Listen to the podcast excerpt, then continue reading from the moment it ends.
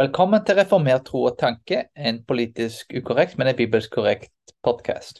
Dette er Jonas, og i dag så har jeg lyst til å dele noen strøtanker om halloween, så vel som kristendommen og dødens kultur. Det nærmer seg halloween, det er faktisk rett rundt hjørnet, og det er sikkert mange kristne og kanskje andre ord som stiller spørsmålet bør en feire halloween? Jeg skal ikke nødvendigvis gi alle de rette og klare svarene rundt dette, men jeg ønsker i det minste at en skal reflektere litt rundt dette og tenke hva en er med på, hva en feirer, og hvordan dette kan se ut i praksis i livene til folk. Jeg vil begynne med å si at livet er verdt å feire. Livet er noe positivt. Og når én ting kristendommen står for og har stått for, så er det feiringen av livet. Og Jeg ønsker faktisk å begynne med det, før jeg hopper inn litt mer på dette med halloween.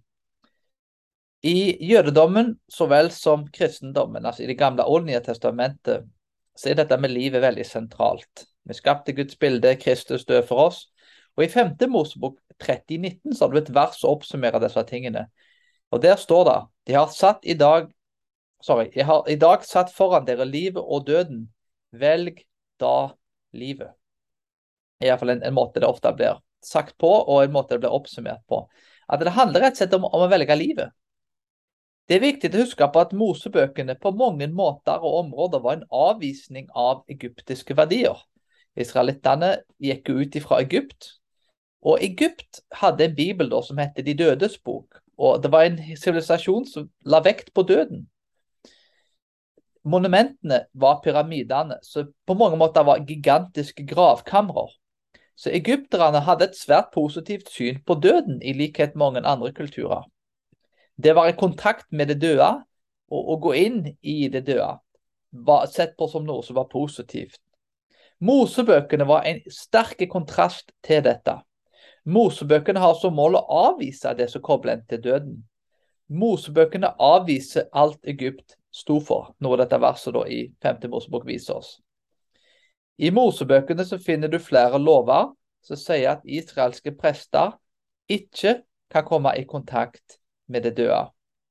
I omtrent alle religioner på den tida var prester sin viktigste oppgave å være i kontakt med det døde.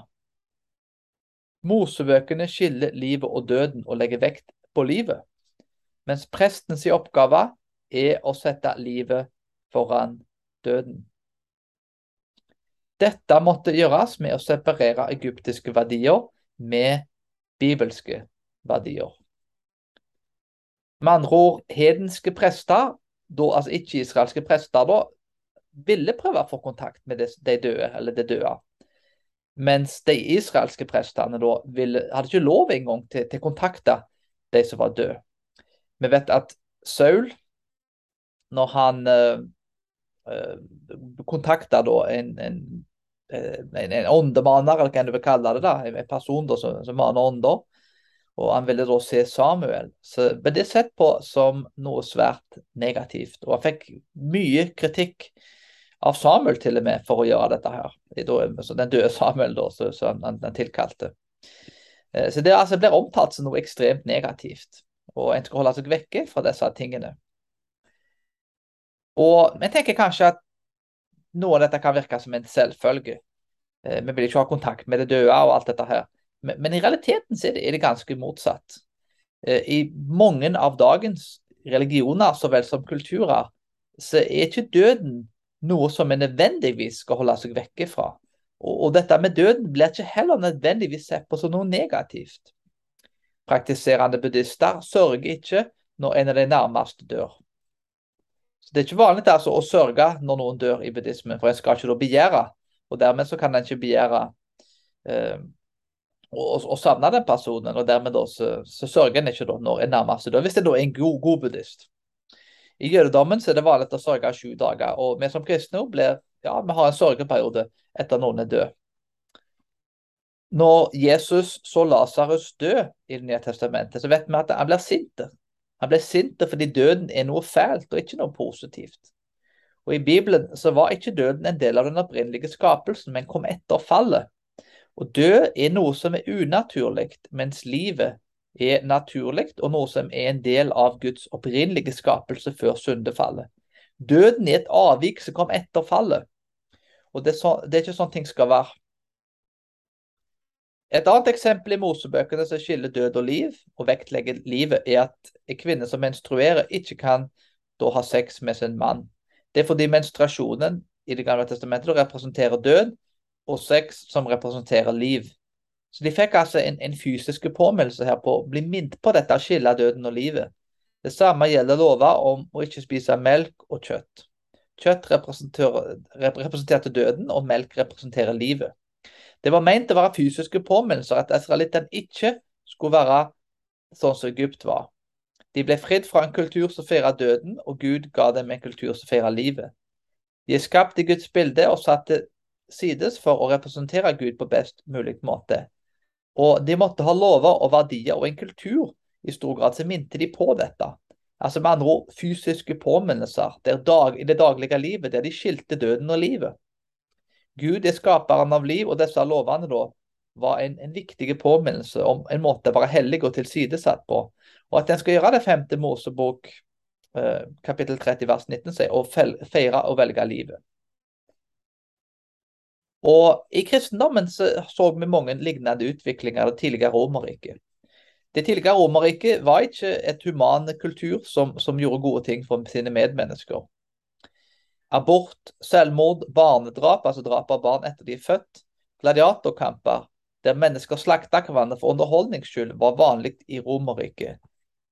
Og Verken romerne eller grekerne hadde religioner som la vekt på livet, sånn som kristendommen gjorde. Alt dette ble bedre etter som kristendommen fikk mer innflytelse, Mennesket skapte Guds bilde. Jesus død for hvert menneske. Og dette gjør mennesket unikt og verdifullt. De jødisk-kristne verdiene er gjennomsyra av denne typen ting, som gjør at disse tingene da blir ting da som feirer livet. Vi derimot i dag er i ferd med å reversere dette. Vi er i ferd med å gå mot en kultur som feirer døden, akkurat som egypterne. Og vi altså må tilbake til det bibelske grunnlaget og forstå at vi skal ikke feire døden, vi skal feire livet. Og Det er en svært viktig ting å huske på her, at midt oppi dette, at det var kristendommen som ble kvitt abort i Romerriket. Eh, selvmord, barnedrap, gladiatorkamper. Alt dette kom som et direkte resultat av at kristendommen da etter mange hundre år fikk innpass, og de klarte å reversere disse lovene. De, romer, de romerske lovene og det, for så vidt, Grekerne hadde ikke alt det samme, men de hadde en del av de samme tingene. Det, det, en kan beskrive disse kulturene som døds, dødskulter, eller dødskulturer. Som, som, ikke nødvendigvis De hadde gode ting, og jeg er veldig glad i, i mange ting som både romerne og grekerne kom opp med. Men, men menneskeverdet og dette ivaretar livet Det var en helt annen forståelse bak de tingene der. Og det var kristendommen som brakte oss menneskeverdet og dette med å feire livet. Og med det i bakhodet, da, så kan en kanskje stille seg et spørsmål, da. Bør en feire halloween? Svaret på det er nok litt mer komplisert enn som så. Eh, for det kommer helt an på hva en vil oppnå med ting. Det kommer an på hva type barn en har. Eh, vi vet at Bibelen advarer mot det okkulte. Galaterbrevet 5.19-20 som et eksempel. Men folk flest i dag, når de deltar på halloween og kanskje andre ting, deltar ikke i det okkulte når folk leser Harry Potter-bøkene Potter og filmene, så betyr ikke det nødvendigvis at de driver på med trolldom sjøl. Det går an å lese noe, og kanskje for å evaluere og analysere det til og med, uten på noen slags måte å delta i det. Og Dermed så, så kan en jo si det kanskje da at uh, det er et likhetstrekk mellom halloween og julebukk. Uh, for de som husker julebukk, da, så gikk en og sang sanger og fikk snop og den typen ting. Og jeg skal nok ikke gi noe konkret direkte ja- og nei-svar her, så kan sikkert være litt irriterende for noen. Eh, men jeg vil derimot si da at halloween er jo de dødes dag. Og det er en del vitnesbyrd på YouTube så vel som andre plasser av folk som har levd da dypt inn i det okkulte og eh, drevet på med trolldom, hekser, trollmenn, alle den type ting. Dette er folk som advarer sterkt mot at kristne da bør feire halloween. Dette er folk da som er blitt kristne sjøl, og som da mener at halloween er det dødes dag, og dette er en, egentlig en okkulte dag som en bør holde seg vekke fra. Og for noen så tror jeg nok at det kan absolutt være det rette valget. Og det burde vel vært åpenbart for alle at en skal ikke ta del av den mørke delen av halloween som viser tegn til det okkulte. Eh, en skal gjøre selvsagt det som er konsekvent med ens egen samvittighet, da, som da selvsagt igjen er i tråd med, med, det som står i Skriften og i Bibelen. Men jeg tror nok i stor grad at en må i hvert fall være veldig bevisst på at en, en skal ikke delta i okkulte ting, og heller ikke ting som feirer døden. Eh, det vil nok komme veldig an på hva type barn en har. Eh, er det greit å gå på dørene og synge noen sanger, få litt snop, eh, kanskje til og med si knask og knep?